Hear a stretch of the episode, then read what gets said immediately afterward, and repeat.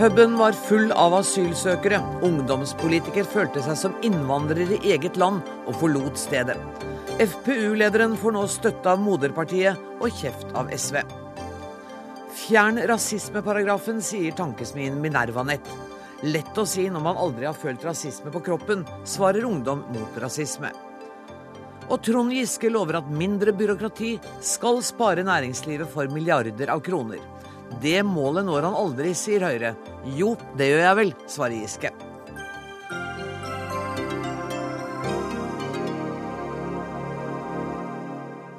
Dette er noen av sakene i kveldens utgave av Dagsnytt 18, hvor vi også får besøk av Harald Eia, i kveld helt uten fjernkontroll. Men først.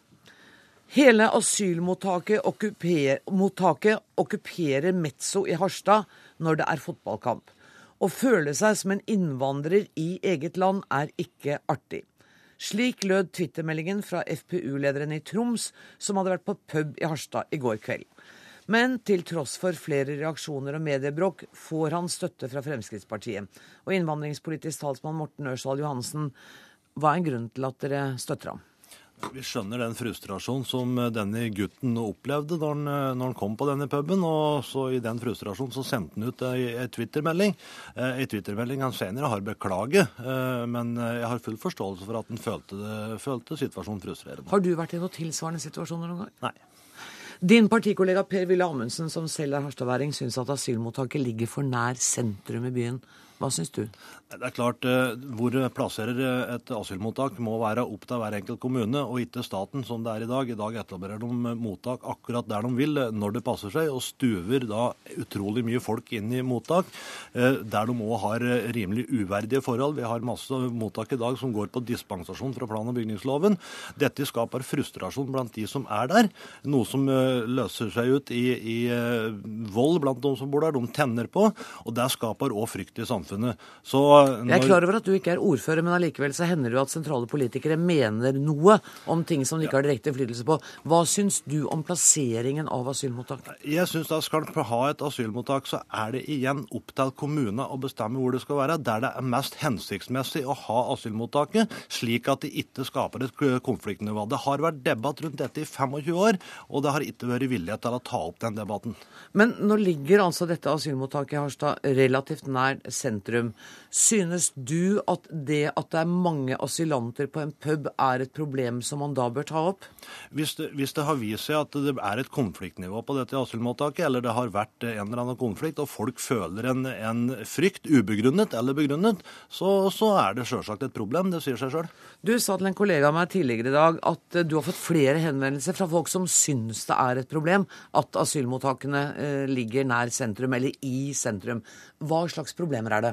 Nei, det er som jeg sa i stad. Hvis det er, eh, er, mange som er stuet sammen i et asylmottak eh, der det er uverdige forhold, så skaper det frustrasjon blant beboerne. Noe som slår seg ut i uro, og det slår seg òg ut i uro rundt omkring i byen. Og det skaper en frykt, og den frykten, om den er reell eller ikke, den må vi ta på alvor. Sånn at det du er i hovedsak bekymra for, er forholdene for asylantene? Det er òg en ting jeg er bekymret for, ja. Og jeg er bekymret for de som er ansatt på asylmottakene, og jeg er bekymret for de som bor rundt asylmottakene. Hadde det vært en bedre idé at flere asylmottak ble lagt utenfor sentrum? Jeg tror det hadde vært gunstig å legge dem noe utenfor sentrum, og, og, da ha tiltak som gjør at, at de som er der, kan, kan trives på en noe bedre måte enn de gjør i mange mottak i dag. Ta på dere hodetelefoner, mine herrer, for vi skal ha en eh, kontakt med Harstad og reporter Martin Mortensen. Ehm, du har snakka med folk i byen. Hvordan reagerer folk der på uttalelsene fra, eh, fra denne FPU-lederen? Ja, De fleste jeg har snakka med, dem eh, reagerer jo med eh, vantro. Og som noen sier at du kommer inn på en pub som skal vise en fotballkamp. og da regner du med å komme inn og eh, være i lag med andre fotballinteresserte. Og hvilken hudfarge de fotballinteresserte har, det spiller vel liten rolle. Og jeg har også snakka med Ola Steinvold, som er mottaksleder i Harstad. Og han sier at det er 160 på mottaket der. Og hvor mange som er fotballinteressert av dem som bor på mottaket, det er han litt usikker på. Men neppe, de klarer neppe å fylle den eh, det utestedet her. Eh, og en annen ting er jo det at det er ikke så veldig mange av dem som har økonomi til å gå og sette seg på et utested for å se en fotballkamp. Men nå hører du her Morten Ørsal Johansen si at det kan være steder hvor det kan være et problem at asylmottakene ligger så nær sentrum. Har det vært en debatt i Harstad? Det er en debatt vi ikke har hatt i Harstad. Politiet de sier at eh, det har aldri vært noe problem. Eh, Ola Steinvold, som jeg refererte til i sted, han sier det at naboen har aldri klaga. De har aldri hatt en, eh, noen større konflikter på mottaket her. Han sier i løpet av de fire og et halvt årene som mottaket har eksistert, så har det vel kanskje vært to som har blødd neseblod. Det var puben Mezzo som hadde altså ifølge FPU-lederen for mange asylgjester. Har du snakket med noen av dem som jobber på denne puben, og hvordan de opplevde det? Ja, jeg snakka med daglig leder der, og han stiller seg helt uforstående til at noen skulle gå for at det var, at det var for mange innvandrere der. Han sier at alle er velkommen der, eh, bare de oppfører seg pent. Og han sier alle som kommer med en annen hudfarge enn det vi har, de oppfører seg pent. Og så lenge de gjør det, så er det ingen problem å ha dem, å ha dem der, sier han. Tusen takk for at du var med i Dagsnytt 18, kollega Martin Mortensen i Harstad. Leder i Sosialistisk Venstreparti, Audun Lysbakken. Eh, hva er hovedproblemet her? Egentlig kunne jo dette vært fortellingen om en uh, tåpelig twittermelding fra en lokal ungdom som uh, ikke hadde vært uh, noen stor sak, men så kasta plutselig Fremskrittspartiet hele sin nasjonale tyngde inn i uh, å gjøre asylsøkeres Eh, besøk på fotballpub til et nasjonalt politisk problem. Det som vel er kjernen her, er at eh, for Fremskrittspartiet asylsøkere er et problem uansett. Uansett hvor de bor, uansett hva de gjør. Om de lærer norsk, om de jobber, om de bor i skogen, om de bor i byen, om de går på fotballpub. Det som er jo et paradoks med denne historien, er at den unge mannen gikk eh, på pub for å heie på Arsenal, som er et lag med ni, i hvert fall ni av ti eh, utlendinger på laget. Og så tålte han ikke å hylle det multikulturelle laget sammen med ni av ti eh, utlendinger på puben. Jeg syns vel det er, relativt pussig.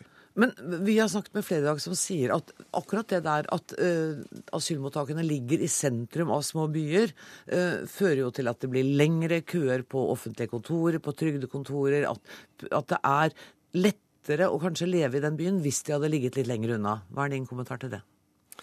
Altså For det første så tror jeg Fremskrittspartiet ikke her er på nett med vanlige folk. altså. Så Per-Willy Amundsen sa at eh, å gå fra denne fotballpuben er noe de fleste ville gjort. Jeg tror, jeg tror, tvert imot at de fleste ville tatt det med knusende ro. Eh, og håpet på at disse som var der, holdt med samme lag som seg sjøl. Altså, plassering av asylmottak de er, Noen er plassert i sentrum, noen er plassert veldig langt utenfor steder der det bor folk. Eh, nøkkelen når UDI plasserer et mottak, er nettopp at det skal tilpasses best mulig. Både nærmiljø, men også behovene til de som bor der. For så er det jo viktig at mottak der det bor barn, er i nærheten av skoler. Men, men i all hovedsak så er det også sånn at det hender jo at det er fakkeltog mot etablering av eh, asylmottak. Bl.a. fordi Fremskrittspartiet har greid å skape et bilde av at sånt er veldig farlig. Men det vi har opplevd de siste årene når det har blitt færre eh, flyktninger som har kommet til Norge, er at vi har lagt ned en del mottak. Og da har det jammen vært fakkeltog mot å legge de ned igjen òg.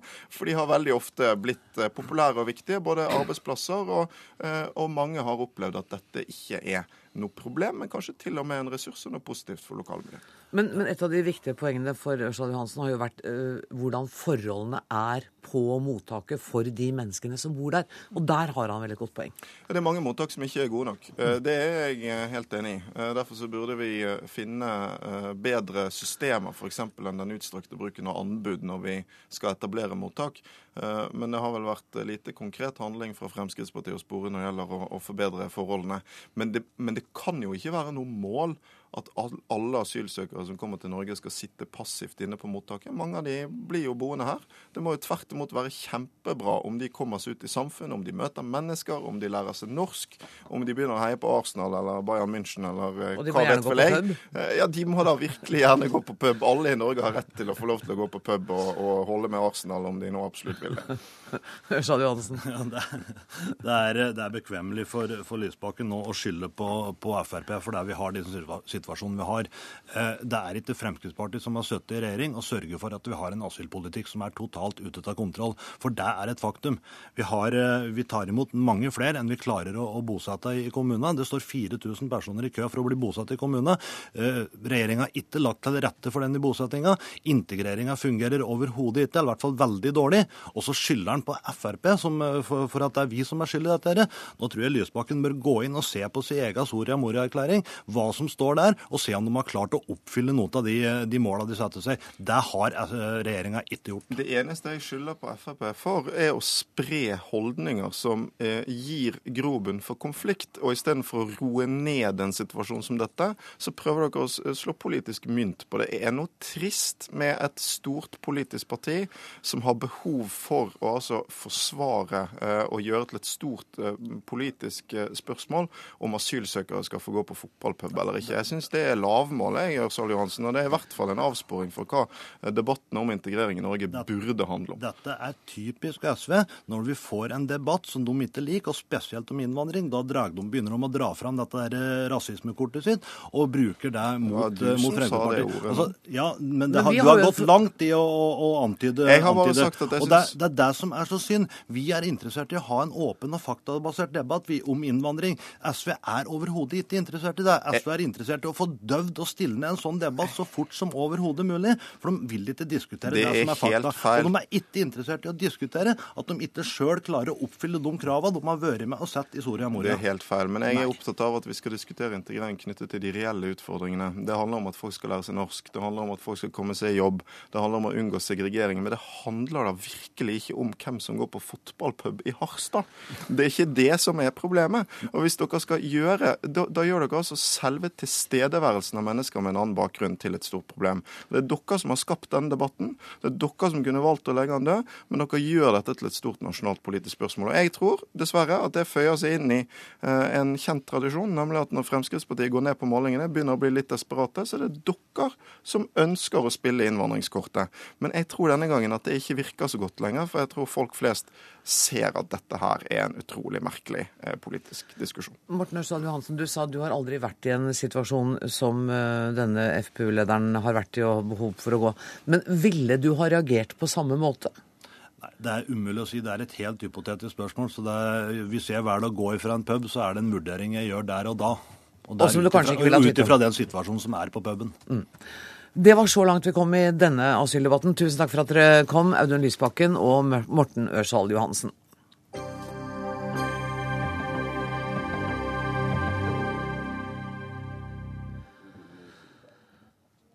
Hvert år bruker Kina omtrent like mye kull som resten av verden til sammen. Og nå Tydeligvis etter press fra verdenssamfunnet skal Kina skattlegge CO2-utslipp for å få bukt med landets svulmende forurensning og økende klimaproblemer.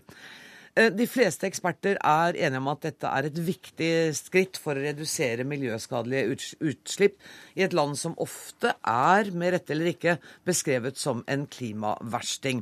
Eh, jeg har fått to gjester i studio. Må be dere ta på dere hodetelefonene, for vi skal snakke med miljøvernminister Bård Vegar Solhjell på telefon. Er du en ganske fornøyd norsk statsråd i dag? Ja, jeg er det. Fordi det er et veldig positivt skritt at eh, Kina gjør det. De, um, nå vet vi ikke. Vi vet ikke så mye om hvordan de kommer til å gjøre det, hvor, hvor høyden blir når den skal innføres. Så Om det er mest symbolpolitikk, eller om det virkelig vil monne, det vet vi ikke ennå. Men det som er viktig, er at et så ledende land som Kina faktisk innfører noe som kan svi og få kullindustrien hjemme.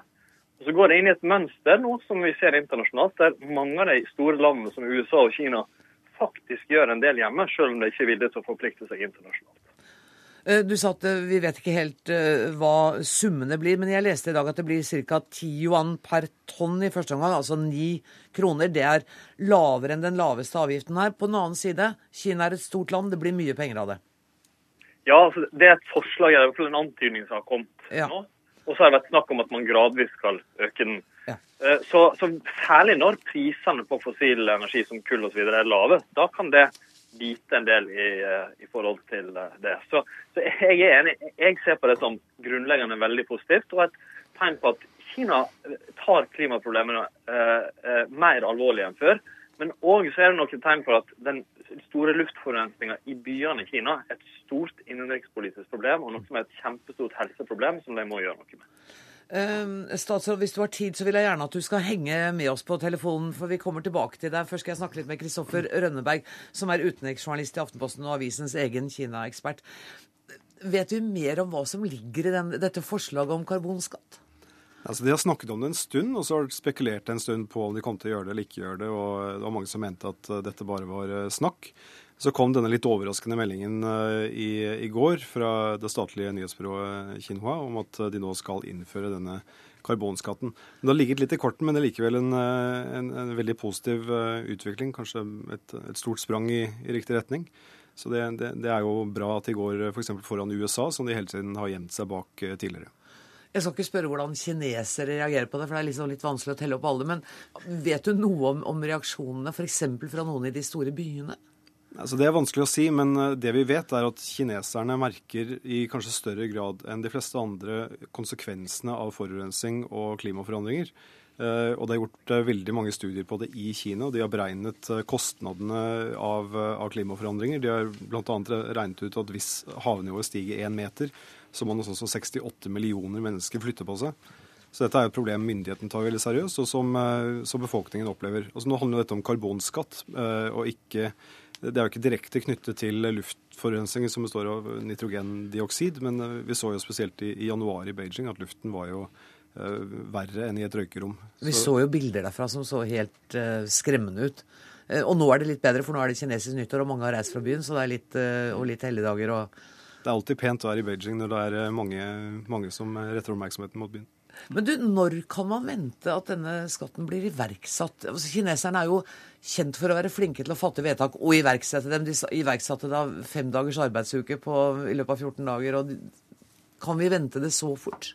Det kan godt skje ganske fort. altså Det kan godt bli vedtatt på, på Folkekongressen nå i, i, mars allerede. Og det er egentlig ikke noen grunn til at de ikke skal det. fordi de har forsket på dette i, de har undersøkt konsekvensene av en karbonskatt siden 2007 og, og, jobbet mye med spørsmålet. Så dette kan fort uh, bli et, uh, en symbolsak for den nye ledelsen i, i partiet som, uh, som, kom til makten nå i november. Dette kan fort bli den første store saken de, de står for. De har jo et dårlig image eller inntrykk utover resten av verden når det gjelder klima. Er det viktig for den nye politiske ledelsen å vise at de vil? Det tror jeg, eh, Uten å sette meg inn i hodet til Xi Jinping eller andre, så, så, tror jeg ikke at det er så viktig. Men jeg tror det ser ganske store muligheter her. Kina er allerede verdens desidert største produsent av, av fornybar teknologi. Mm. Vindkraft, vannkraft er de veldig store på. Pluss at de har et nesten monopol på såkalte sjeldne mineraler som brukes i en del av denne fornybare teknologien. Så hvis de klarer å få lagt inn disse insentivene for, eh, for den skitne industrien og får den til å bli renere og grønnere, så, så kan dette by på kjempemuligheter for, eh, for, den delen av industrien i Kina. Rolf Fugt, velkommen hit. Du er miljøkjemiker. Eh, denne merkelappen som klimaversting, har Kina fortjent det? Nei, i grunnen ikke. Eh, fordi de gjør veldig mye for å sikre seg en, en, en bærekraftig utvikling. Problemet er at alle miljøindikatorene peker i, i gal retning. Og, og, og, det gjør de jo fordi de driver og produserer våre forbruksvarer. Men altså ja, de, ja, ikke sant? Men tar vi noe ansvar for det? Nei, og, og, og det er egentlig sånn kunstgrep som vi har tatt. da. Fordi altså, eh, Det vi sier, er at eh, utslippene er jo i Kina. Eh, så, så det at vi forbruker de varene, det, det, er, ikke, det er, ikke, vårt problem. Er, utslippene er i Kina. Men det som vi gjør her i Norge, det er jo at vi produserer olje og gass. Men der sier vi at igjen så er ikke CO2-utslippene som medfører, det medfører vårt problem, for det er ikke vi som forbruker det. Der er en logisk brist som jeg ikke skal gå videre, for den tror jeg alle tar. Eh, og det er jo altså det som også kineserne ser. Det er en logisk brist, men må, jeg kan ikke dy meg for å konfrontere statsråden med det. Solhjell, det er jo litt riktig dette, da? Hvis du hørte dette? Ja, det, det er et poeng i det. Nemlig ja. det at eh, vår, mye av vår produksjon eh, i den vestlige verden har flytta ut til andre land, som de øker sine CO2-utslipp med. Men det er likevel helt som hever under enhver tvil at veldig mange av de store nye økonomiene som vokser frem, nå har verdens største utslipp. At de, som vi, må være med og ta byrden på å kutte dersom vi skal ha sjanse til å nå togradersmålet. mye av den debatten om det er Vesten eller u-land som har kuttet mest, den er ganske meningsløs på mange måter. Fordi det er ikke mulig å nå de målene vi har satt oss, dvs. Si at det begrenser oppvarminga til to grader, uten at både land i Europa og USA, og land som Kina og Brasil og India og andre, bidrar. Og kanskje vi som kjøper de varene som produseres under dårlige forhold i Kina, kanskje vi må ta litt ansvar? Ja, Vi må ta ansvar for vårt forbruk, f.eks. For transport, som er en viktig del av CO2-utslippene. Og vi må ta enda mer ansvar for vår produksjon av olje enn vi har gjort de siste årene. Men det kan ikke frita f.eks. Kina for sitt ansvar. Men så er jeg enig. altså det, det, er faktisk ganske mye som gjøres innenlands i Kina nå. Og det er utrolig positivt. Det er òg positivt at det gjøres ganske mye innenlands i USA. Det som er det store problemet, er at uten en bindende internasjonal avtale der som setter tak, og der alle store utslippere må forholde seg til, så vil vi likevel ikke klare å nå målene våre om å redusere CO2-utslipp. Så vi må både gjøre mye hjemme, i Norge, i Kina, og vi må jobbe for en bred internasjonal avtale. Kristoffer Rønneberg? Jo, to ting. bare Først en kommentar til det. Det er jo at uh, det er jo mange utenlandske selskaper som må betale deler av denne karbonskatten i Kina. Fordi 30-35 av, uh, av karbonutslippene kommer fra uh, eksportindustrien, og der er det mange utenlandske selskaper som står sterkt. Så deler av denne regningen vil bli skjøvet videre til, til Europa og, og USA. Og så er det en annen ting jeg tenkte jeg skulle si på dette med fornybar energi. At uh, der sliter eh, kineserne med et problem med det at uh, industrien utvikler seg. Og det er at de er ikke like flinke hele tiden til å benytte seg av den teknologien. Altså De bygger massevis av vindturbiner og vindkraftverk ute i, ute i ørkener og andre store åpne områder. Men det er bare 77% av dem som er koblet til strømnettet. Så de står og spinner til ingen nytte. Så hvis de skal bruke denne muligheten de har, så må de bli flinkere til å, til å utnytte den. Du nikker til det, Rolf ja, som er spesialisten vår på dette. Vel, altså Jeg er kjemiker, men, ja, men altså, dette kan du litt om. jeg har uh, hatt gleden av å jobbe med miljø i Kina siden begynnelsen av 80-tallet. Og det jeg har sett, er at uh, de har gjort veldig mye. Altså De har jo mer enn halvert det vi, vi kaller uh, energiintensiteten. Altså den energien de forbruker for å produsere varer og tjenester, altså bruttonasjonalproduktet. Og den har de altså redusert mer enn halvparten ned til over tusenskiftet. Og, og, og, da var de nede på et nivå som er tilsvarende det vi har i Europa. Og, men selv det, med det nivået så eh, hadde de altså store ambisjoner i den tiende femårsplanen til å redusere ytterligere. De fikk det ikke helt til, men i den 11. og 12. så har de tatt nye mål, og som de da klarte i den 11., og er i gang godt med den 12. Hmm. Men du sa til oss tidligere at Kina er på mange måter verdensledende på en rekke klimavennlige områder. Ja. Eh, altså, dette er helt nytt for meg, men det er jo sikkert spesielt uopplyst på området. Nei da, det er en generell oppfatning. Men, men altså De er faktisk eh, på førsteplass når det gjelder vannkraft. Eh, de er vel på andreplass når det gjelder vindkraft. Eh, og, de øker jo, altså, som du sier, altså, noe uh, eksponentielt i, i, i bygging av, av, møller. Men, men altså, problemet er å, ja, å, å få kobla alt dette sammen i hop. Og de, sliter litt med infrastruktur. Men også andre energikilder her, så er vi vel egentlig på tredjeplass. Så de er oppe blant uh, de, de, største på alle, alle disse områdene. Selv altså karbonfangst og -lagring, da, som vi mener at vi i Norge er veldig langt fremme på, på det, så er jo de allerede Eh, bygget ni testanlegg, hvorav den største er på, på størrelse med, med teknologisenteret Mongstad. Og er i gang med å bygge tre fullskala anlegg eh, for å ta en million tonn CO2 i året. Og tross alt dette bra, så slipper Kina fremdeles ut enorme mengder CO2. Men det som du nå sier, betyr det at det er noen lyspunkter her? At vi kan være i hvert fall forsiktige optimister? Ja, altså Det vi ser, er at de kinesiske lederne tar ansvar. Mm. Så, så, det er klart det er bekymring når 1,3 milliarder mennesker begynner å oppføre seg som deg og meg. Ja. Ikke sant? Det er jo problemet her. Mm. Men, men, eh, jeg er egentlig mer bekymra for disse andre BRIC-landene som ble nevnt. Altså Brasil, Russland, India. Fordi Der ser jeg ikke at de tar det samme ansvaret. Og, og, og, det er klart at det vi ser, er at økningen i energietterspørselen den vil jo komme i utviklingslandene, altså landene utenfor OPEC og, og Kina. Mm. Og Det er der vi må jo, det er det problemet, det er den utfordringen vi må prøve å løse. Mm. Så Kina blir på en måte ikke det største problemet, Rønneberg? Nei, altså det- får vi jo se, da, hvilke andre land som følger etter i, i Kinas fotspor her. Men når vi, når vi snakker om at Kina tar ansvar, så, så tror jeg det er viktig å presisere at dette hadde jo ikke Kina gjort hvis ikke det var i deres egen interesse. Nei. Og der er det både det økonomiske aspektet, at her dukker det opp nye muligheter, men så er det nok også at det gir dem muligheten til å få eh, et visst overtak på USA. For disse to landene i alle klimaforhandlinger har hele tiden skyldt på hverandre. Og Kina har sagt nei, vi er midt i vår industrielle revolusjon, så vi kan ikke gjøre dette nå. Og USA sier vi kan ikke gjøre det før Kina gjør det.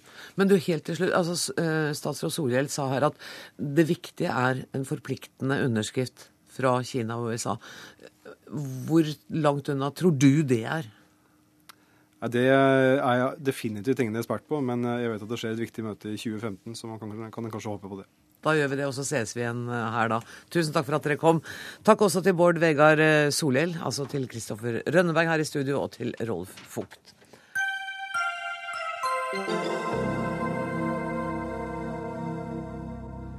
Den kalles rasismeparagrafen, paragraf 135a fra 1970.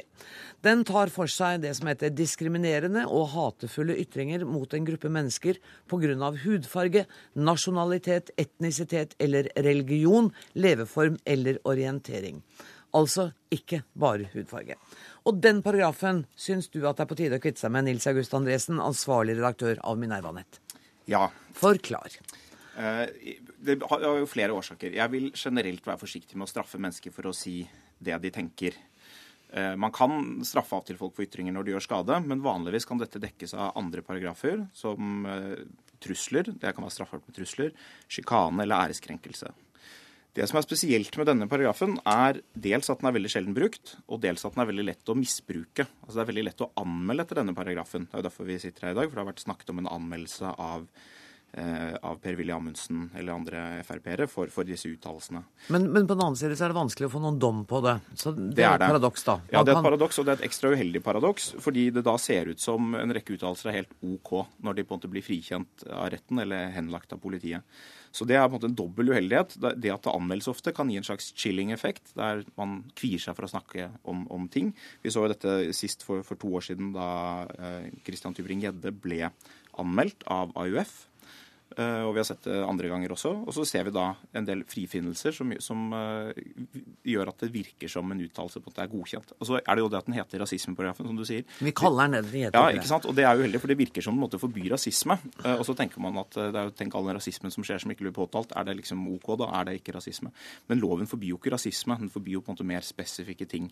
Som er jeg ramsa opp her. Ja, så det er mange ting som er uheldige, som gjør at jeg ikke syns det er en heldig lov. Men, men du, hvis du sier at den har en slags chilling-effekt, altså man eh, lar, lar være å si ting fordi man kanskje kan bli anvendt for det, så tenker jeg, er ikke det bra? Det er en del ting man godt kan la være å si uten at ytringsfriheten dermed er truet. Det er mange ting man bør la være å si. Ja. og Jeg, jeg syns jo at, eh, at Per-Willy Amundsen definitivt burde latt være å si det han sa. Men eh, det, det er ofte vanskelig for andre å bedømme hva som er riktig at noen andre sier. Og ta dette eksempelet med Christian Tybring-Gjedde. Han snakket om at innvandrergutter i skolen var mer urolige enn andre. Og det er nok en sånn opplevelse som da mange sitter med, og som på en måte er et faktuelt spørsmål. Jeg syns også det er en veldig uklok uttalelse. Men det at om noen hadde blitt dømt for å si noe sånn, så tror jeg mange ville kunne bli redde for å beskrive det de opplever. Og det er uheldig, selv om mange av disse uttalelsene kan være vonde og ubehagelige og, gale og dumme og fordomsfulle og all den type ting. Fordi mye av det må frem. Selv om det kan være ganger hvor man bør tenke seg godt om før man sier det. Mina Adampour, du er leder i Ungdom mot eh, rasisme, og du eh, var ikke spesielt begeistret for dette forslaget om å fjerne denne paragrafen. Nei, altså i likhet med leder for Det mosaiske trossamfunn, Ervin Kohn, så er ikke vi det. Um, han sier uh, Jeg snakket med han tidligere i dag. Han sa faktisk også at uh, den blir Den bør ikke avskaffes. Uh, om noe så bør den brukes mer. Uh, og så skal man huske på at uh, det norske forbudet utgår fra, fra FNs diskrimineringskonvensjon av 1965. Den handler først og fremst om at enkeltindivider skal bli beskyttet mot visse ty typer former av ekstreme ytringer. Og vi kan være helt enig i den problematiseringen Nils August her gjør, men eh, realiteten i dag er at det er veldig mange som opplever at det er hatefulle ytringer som offentlig fremsettes imot dem som person. Dette eh, enten pga. deres legning eller hudfarge, også andre syn. Eh, Ja, Som er truende. nei, så det er diskriminerende offentlig fremsatte ytringer. Mm. Trenger da- ikke å være truende. Nei. Men det som da eh, er et viktig moment å huske her, er at eh, FrPs polemikk, altså dette blir en sånn slags normalisering av uttalelser. Det er nesten sånn at vi bare ja, hvis, er man, liksom, ja, man drar litt på skuldrene og tenker at ja ja, det er jo sånn som de sier i ny og ne. Men dette affekterer jo individer. Her var det uttalelser som da treffer andre generasjon som skal bruke den type begreper, og tredje generasjons individer som er en ressurs for samfunnet. Og så skal de stigmatiseres fordi de sitter på en pub. Ja, men altså, det som er Ditt poeng er jo ikke at man skal oppfordre til rasisme. Nei. det er altså å, finne andre paragrafer som rammer den type atferd.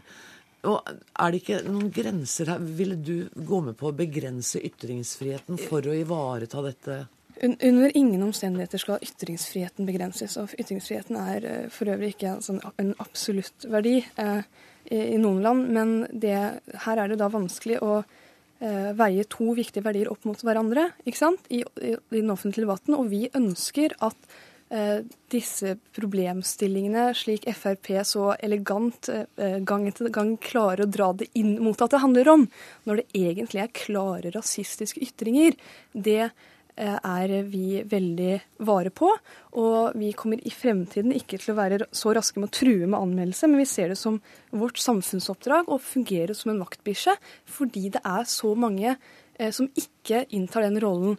Og media stiller jo faktisk i de to eh, mest tabloide mediene i dag, så stilles det jo ikke kritiske spørsmål til verken Eilertsen eller Amundsen.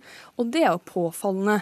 Her er det Eh, vi som må ta det steget og ty til det drastiske virkemidlet for å få den oppmerksomheten. Ellers hadde ikke vi sittet her i dag. I tillegg til at dette da handler om ytringsfriheten, så har jo ikke Frp valg villet stille i noen debatt med oss Grunnen til at du sitter her i dag, er at Nils August Andresen har skrevet en artikkel for en god stund siden hvor han foreslo å oppheve denne rasismeparagrafen, eller få den fjernet. Ja, det var det forrige runde. En, det var forrige runde, og det er mm. faktisk eh, grunnen til det. Men, men hører du ikke hvor viktig denne paragrafen er for mennesker som faktisk har følt rasisme på kroppen? Jeg, jeg, for, jeg har forståelse for det synspunktet. og jeg kan først si at jeg er enig. Det sies ofte som en floskel at ytringsfriheten er absolutt, men som jeg innledet med, altså jeg mener jo at mye av dette kunne dømmes etter paragrafer om trusler, sjikane, æreskrenkelser. Vi er alle enige om at ytringsfriheten ikke er helt absolutt. Det tror jeg også de som, er, de som argumenterer som meg, må, må ta inn over seg. Men uh, det at den ikke er absolutt, betyr ikke at det er like klokt å forby etter alle kriterier. Grunnen til at jeg mener at dette er spesielt uklokt, er at det er en lov som er, det er vanskelig å få den til å fungere godt. Altså Det, det Mina Adapour sier, er på en måte at hun hadde ønsket at den ble brukt oftere. Det er vel det Ervin Kohn i Mosaisk trossamfunn også indikerer. Men det vi tror jeg ville ha veldig mange problematiske effekter. Det er altså store deler av samfunnet som, jeg gjerne si dessverre, ofte kommer med ytringer som, som, mange av oss andre syns er problematiske.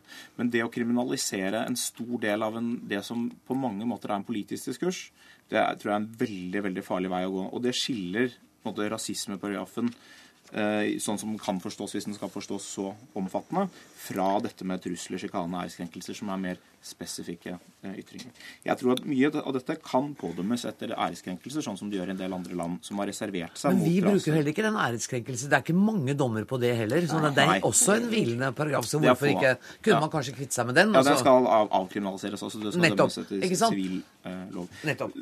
Så Noe kunne gått der, noe kunne gått på trusler, noe kunne gått på andre ting. Men det er som sagt veldig sjelden vi bruker denne paragrafen. Så det, det å fjerne den har ikke den effekten. Det, det, har ikke noen stor effekt å fjerne denne loven. Og Samtidig kan man også se det på en annen måte. Altså Disse individene, nå sies det Fredrikstad, som ble dømt etter denne paragrafen 135a, eh, hvor hensiktsmessig er det da at individer med den type eh, hatefulle ytringer havner eh, i en fengselscelle. Eh, når de kommer ut, er de mindre hatefulle da? Kan en stille spørsmålstegn ved. Men vi ønsker da fokus på den type retorikk som brukes om så mange individer, som er en del av den norske befolkningen. Vi vil ikke innskrenke ytringsfriheten, og vi synes det er synd at Frp nok en gang kommer unna med den type utsagn ved å dreie det inn på at det Eh, handle, eh, skulle egentlig handle om integrerings- eller innvandringspolitikk, men, og det er det ikke. Nei, Den har vi kjørt tidligere. Ja. Mm.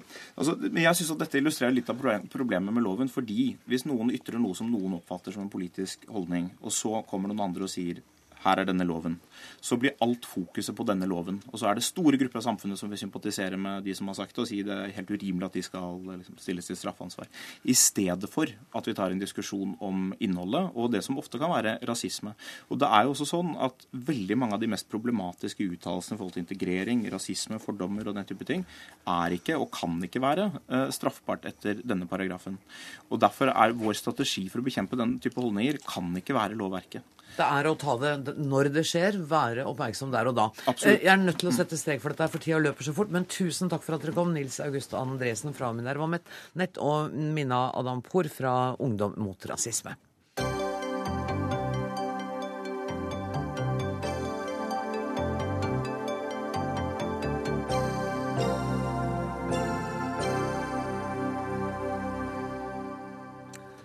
Hun ligner en plastdukke som ser ut til å ha fødsler som eneste formål. En klesdukke blottet for personlighet og fullstendig definert av hva hun har på seg. Slik ble hertuginne Kate omtalt da forfatteren Hilary Mantel holdt et foredrag i London tidligere denne uka. Debatten om hertuginnens rolle har etter dette rast i England, og nå har statsminister David Cameron gått ut for å forsvare hertuginnen.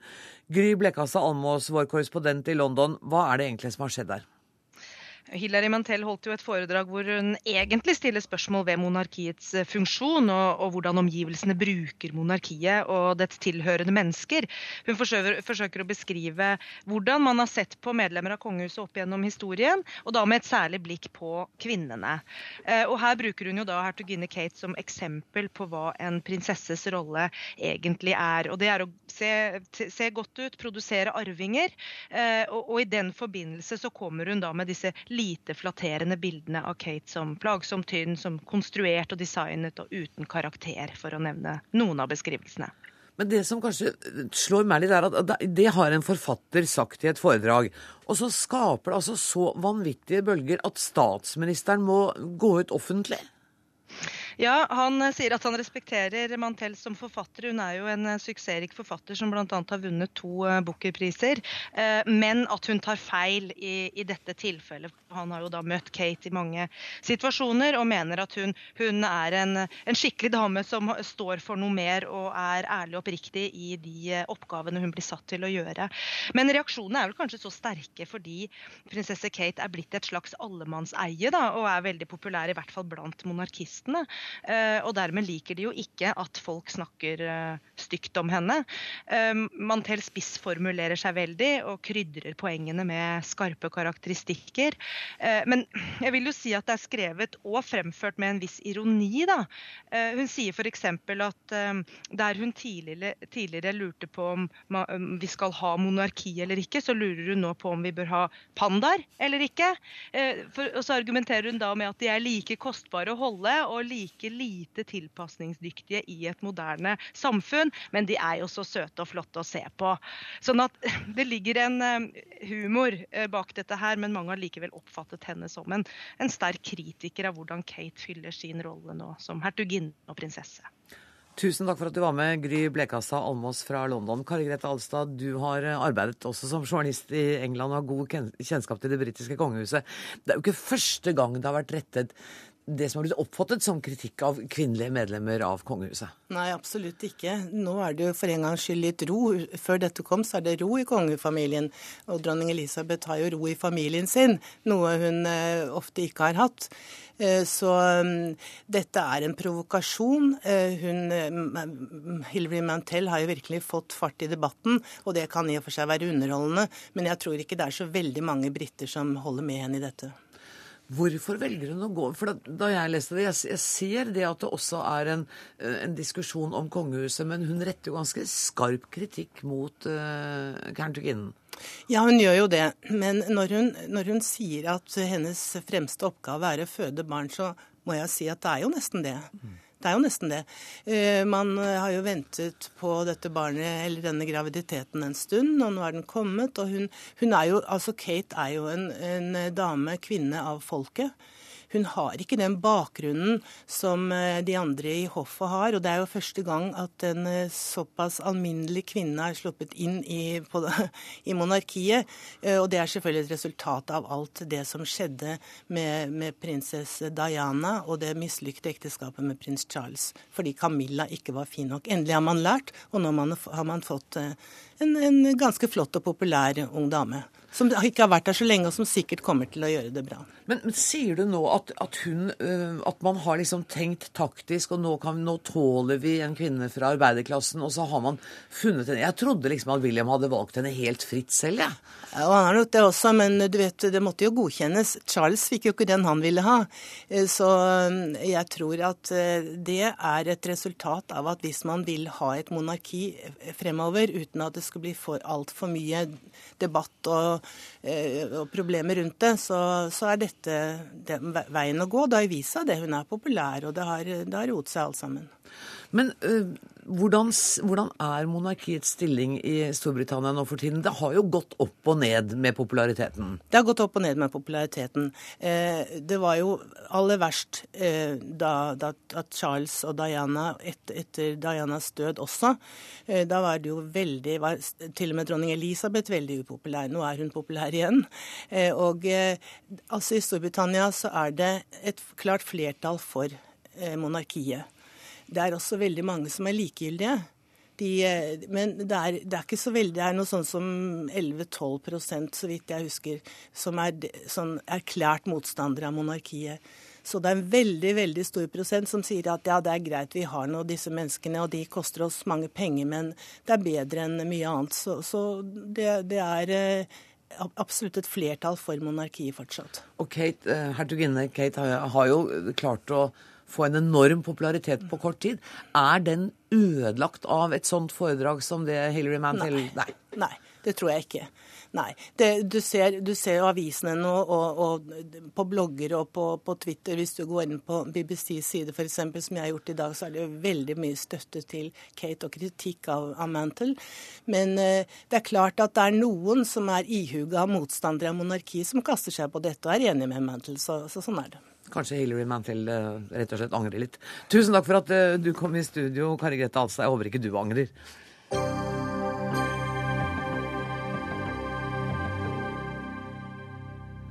Til uh, mer hjemlige og praktiske saker. Trond Giske har lovet forenklinger og opprydning i skjemaveldet.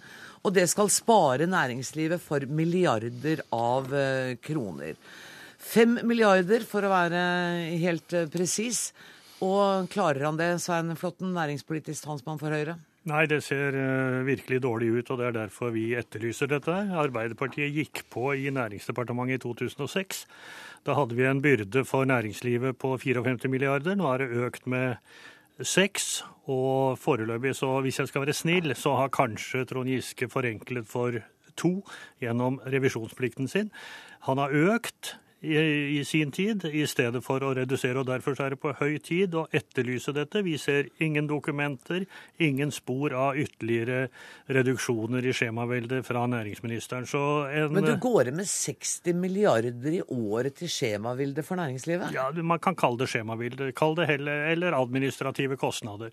Og det, og det er jo en av grunnene til at uansett hvor man kommer i landet, så møter man jo folk som særlig småbedrifter, synes at de omkommer i papirer, og ikke minst, vel å merke, at mye av det kunne vært gjort på en enklere måte, og at noe av det er unødvendig. Og Du sier jo til og med til Dagens Næringsliv i dag at uh, Giske har brukt kreativ bokføring i kalkylene over det som er oppnådd av forenklinger til nå. Gi meg noen eksempler. Ja, f.eks. Eksempel, uh, revisjonsplikten, som opprinnelig ble beregnet til, til 1 til 1,5 milliard, som man nå regner med 2 milliarder kroner på. Du altså, mener den reduserte revisjonsplikten som det, ikke er så hyppig som den var før? Nettopp. Ja, må bare presisere sånn. Ja da. Han, det er stadig nye måter å regne dette på, og dette tar jeg fra hans egne proposisjoner til Stortinget. Vi har foreslått at man kunne ha en uavhengig beregning, så vi slapp å krangle om tall. Det har ikke statsråden villet. Eh, det kan jo ikke være sånn at hans reduksjoner kan stige i takt med honorarene hos eh, revisorene rundt omkring. Så jeg fastholder at eh, bokføringen hans er kreativ. En god del av de tingene som han fører opp i sitt regnskap, er heller ikke gjennomført. Så det er på høy tid å etterlyse det. Trond Giske, jeg går ut fra at jeg ikke behøver å stille deg et spørsmål, for du er mer enn klar for å svare på dette, tenker jeg. Ja, For det første kan jeg i hvert fall eh, forsikre Flåtten om at det er ikke politisk ledelse i Næringsdepartementet som sitter og regner hva de ulike byråkratiske forordningene koster, ei heller hva det sparer å fjerne dem. Det gjøres etter eh, noe som heter standardkostmodellen, som ble utvikla i Nederland. og Det er det embetsverket som håndterer absolutt helt på egen hånd. Eh, når det gjelder besparelser, så har vi altså som den første regjering satt et måltall for å kutte kostnadene for næringslivet til byråkrati. Og det skal vi kutte ikke med fem, men med ti milliarder kroner innen 2016. Det lovte vi for halvannet år siden. Eh, nå er vi en tredel ut i den perioden, og vi har kutta med om lag tre milliarder. Fjerning av revisjonsplikten utgjør to milliarder. Eh, digitalisert bedriftsetablering gjennom Altinn utgjør 200 millioner. Reduksjon av krav til aksjekapital for aksjeselskaper sparer milliarder i aksjekapital, men rundt 100 millioner i, i, i reelle årlige kostnader. Elektronisk faktura sparer 100 millioner. E-skattekort sparer 70 millioner. Så har, vi, ja, nei, så har vi vedtatt og holder på å gjennomføre eh, det som heter e-dag, som også er å bruke elektronisk eh, hjelpemiddel i å kommunisere med arbeidsgiverne. Til sammen 3 milliarder. Vi har godt eh, håp om å komme til 5 milliarder før årsskiftet og 10 milliarder innen 2016. Så hvis Flåtten bare lar oss eh, fortsette, eh, og gjerne være utålmodig, så skal vi som første regjering virkelig få til en substansiell nedskjæring i byråkratiet for bedriftene. Du, det, flott, nå ble du oppfordra til å sørge for at den regjeringa her får lov å fortsette etter valget? Jeg ble oppfordret til å la Trond Giske være i fred, og det har jeg slett ikke tenkt å følge den oppfordringen. Han helt, tar helt feil når han sier at han er den første som har satt noe måltall. Hans øh, trønderkollega Børge Brende satte et mål på 25% i 2002 eller 2003. Gikk det kjempefint? Han eh, fikk ikke anledning til å gjennomføre det. Som alle vet, så gikk han av i 2005. Han skulle gjennomføre dette i 2012, men han satte et måltall. Og Høyre var de som satte dette på agendaen. Mitt poeng er at det har ikke skjedd noe annet enn at omkostningene for bedriftene har økt siden 2006. Og jeg syns også det er litt pussig at Trond Giske skylder på sitt eget embetsverk, og at man beregner dette etter standarder for hva man sparer. Ja, det skal jeg gjerne være med på, men hvis man putter inn nye premisser hver gang man regner, så vet jo alle at et regnestykke får andre resultater. Giske, det må man få svare på. At du legger inn nye premisser hver gang.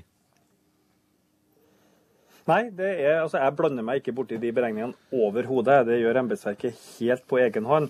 Eh, og Flåtten bløffer jo når han sier at det har økt fra 54 til 60 milliarder siden 2006. Det er jo kun en prisjustering av kroner, så det er jo ikke, det er jo ikke en byråkratisk økning. Det er jo omregning av 2006-kroner til 2012-kroner. Så det, det, er også, det, er også, helt eh, feil. Men det viktigste er jo ikke disse beregningene. Det viktigste er å gjøre noe for næringslivet. Det største besparelsestiltaket noensinne er fjerning av revisjonsplikten.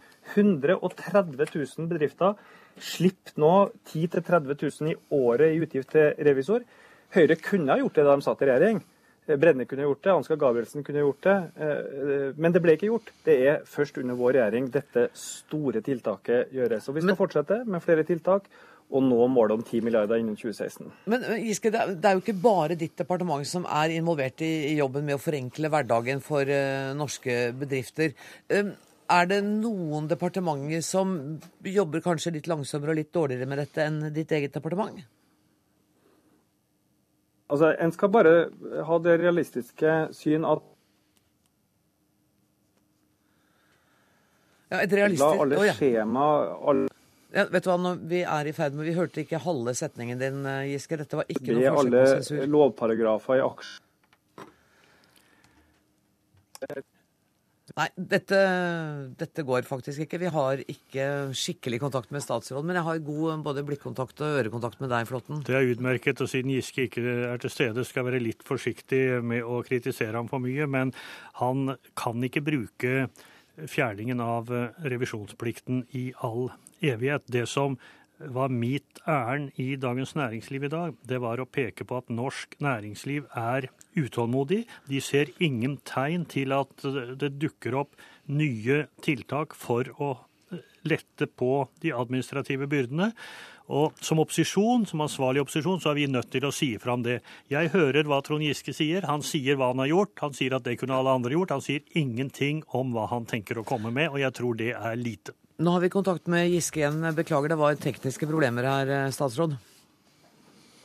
Ja, vi har eh, mange forslag eh, under utarbeidelse. 30-40 tiltak som vi nå jobber med. Det er endringer i bokføringslov, det er endringer i verdipapirhandellov, det er Eh, se på ulike bestemmelser i momsregelverket. Det er rapporter til SSB. Eh, så Flåtten kan være veldig trygg på at vi jobber intensivt med å få dette på plass. Og da blir alle fornøyde, Flåtten, ikke sant? Og Trond Giske kan være helt sikker på at vi kommer til å fortsette å presse ham på dette, for det gjøres tydeligvis ikke innad i hans eget parti. Gjør det ikke det, Giske? Men det høres ut som en bra arbeidsdeling. Vi, eh, du maser, og vi gjennomfører. Jeg vet ikke helt om Flåtten var så fornøyd med det. Jeg vil heller at dine egne maser på det, for du hører ikke på oss allikevel. Og så vil jeg, vil jeg tro det har rett hvis jeg tipper at dere har lyst til å gjennomføre litt, dere òg. Og det er jo det som mangler hos regjeringen. Gjennomføringskraften mangler. Tusen takk for at du var med, statsråd Trond Giske. Takk også til eh, Svein Flåtten. Hør Dagsnytt 18 når du vil, på nettradio eller som podkast. nrk.no – dagsnytt 18.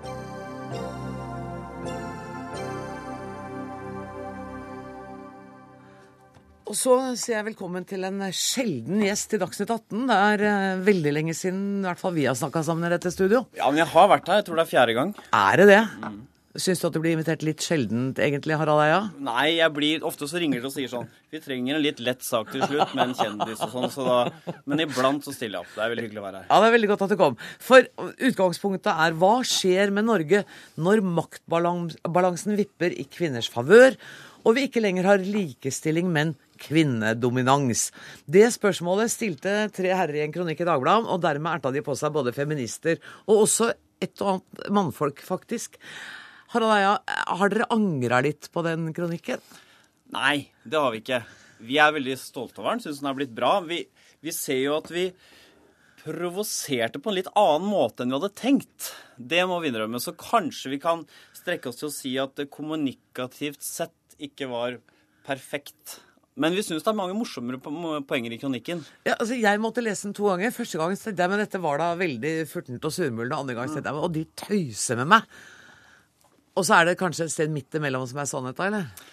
Altså, vi, altså I bånn så ligger det på en måte uh, to interessante poeng, syns vi, da, som vi hadde lyst til å trekke frem i forbindelse med at det var 100 år siden vi ble invitert av Dagbladet. ikke sant? Og Det ene var at uh, TV-kanalene i stadig større grad forsøker å nå kvinner, fordi annonsørene vil ha damene. Det er de som sitter med den økonomiske makten hjemme, vil jeg merke. da. Og hvilke konsekvenser får det for TV-tilbudet? Og det andre var en sånn interessant funn uh, som gikk ut på uh, at en psykolog har gjort store tverrkulturelle undersøkelser av verdiforskjeller i forskjellige land. Og da, f.eks. hvis man spør uh, kvinner og menn i andre land hva, Skal vi dyrke enerne eller prioritere de svake?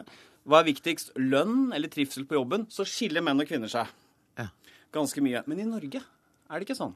Der menn og kvinner har ca. de samme verdiene. Og da prioriterer de trivsel på jobben? Ja, vent. Ja, fordi det er interessant. fordi Hulda Garborg for 100 år siden hun var skeptisk til likestillingen nettopp fordi hun fryktet at kvinner ville bli som menn. Hun var redd for det. Og så blir spørsmålet hva har skjedd? Har kvinner blitt som menn? Eller har menn blitt som kvinner? Og det spennende funnet er jo at menn har blitt som kvinner.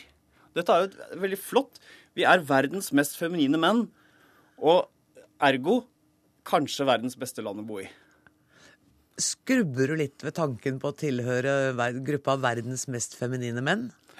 Nei, det, jeg storkoser meg med det. Jeg, jo, jeg, ville ikke klart meg så veldig bra i et veldig maskulint samfunn. Nei, det tenkte jeg også da jeg Nei, leste det. er helt riktig. Jeg er veldig glad for det. Ja. Sånn at egentlig så er det som jo har blitt harselert litt med, denne kampen om fjernkontrollen hjemme, hvor, eh, hvor kvinnene har makta, eh, i hvert fall i helgene ja. Eh, der, der er det mange som har tolka dere som ganske furtne, og at uh, dere har bare lyst på deres egne manneprogrammer, og det sendes masse sport. Det var kanskje ikke helt poenget ditt? Nei, det furtebiten av det, den, den var litt uh, lei. For den var veldig opptatt av at vi ikke var. Fordi jeg kan, jeg kan si med en gang, fordi folk har lurt på hva mener dere, da? ikke sant? For vi beskrev bare noen tendenser, og så kom en hypoteser om hvorfor det var sånn. Så, men vi sa aldri rett ut hva vi mente. Så jeg kan godt si hva jeg mener om at kvinnen har tatt det. Jeg storkoser meg. Jeg storkoser meg i verdens mest feminine land. Altså, jeg tror at likestillingen er grunnen til at vi har det så bra. Ikke en eneste, selvfølgelig, men en hovedgrunn, en viktig grunn til at vi har det så bra i Norge. Det er undersøkelser som viser at i maskuline kulturer, hvis du mister en lommebok på gata, så får du den omtrent ikke igjen. Mens av ti lommebøker som ble mista i Oslo og en del andre feminine kulturer, alle ble levert tilbake.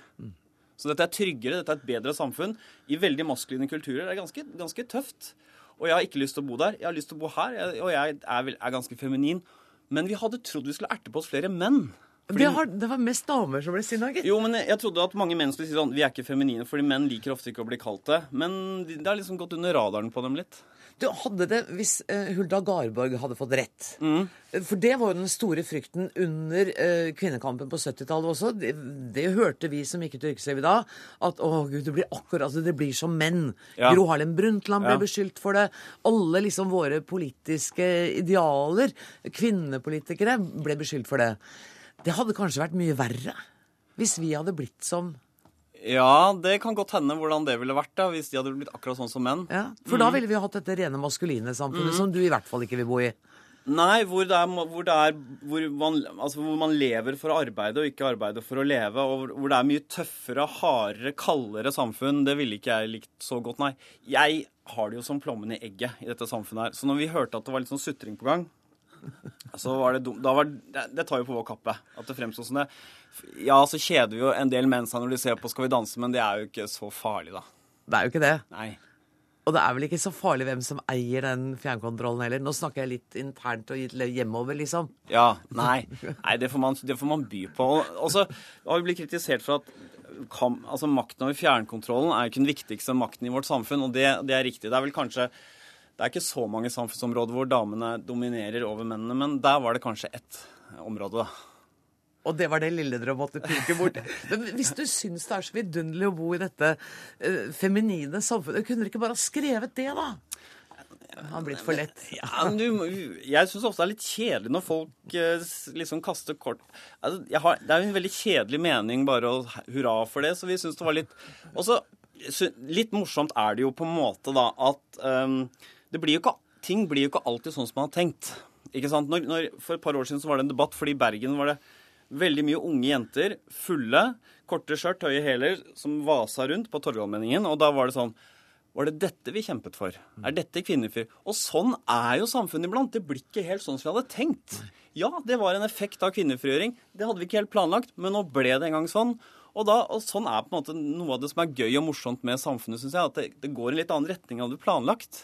Og da kan man sette ned og begynne å studere hva er det som skjedde her. Ja. Og det er, morsom, det er morsom den setningen om at Gunnar Knudsen, statsminister, i 1913 ga kvinnene den stemmeretten de ikke sjæl hadde klart å få til.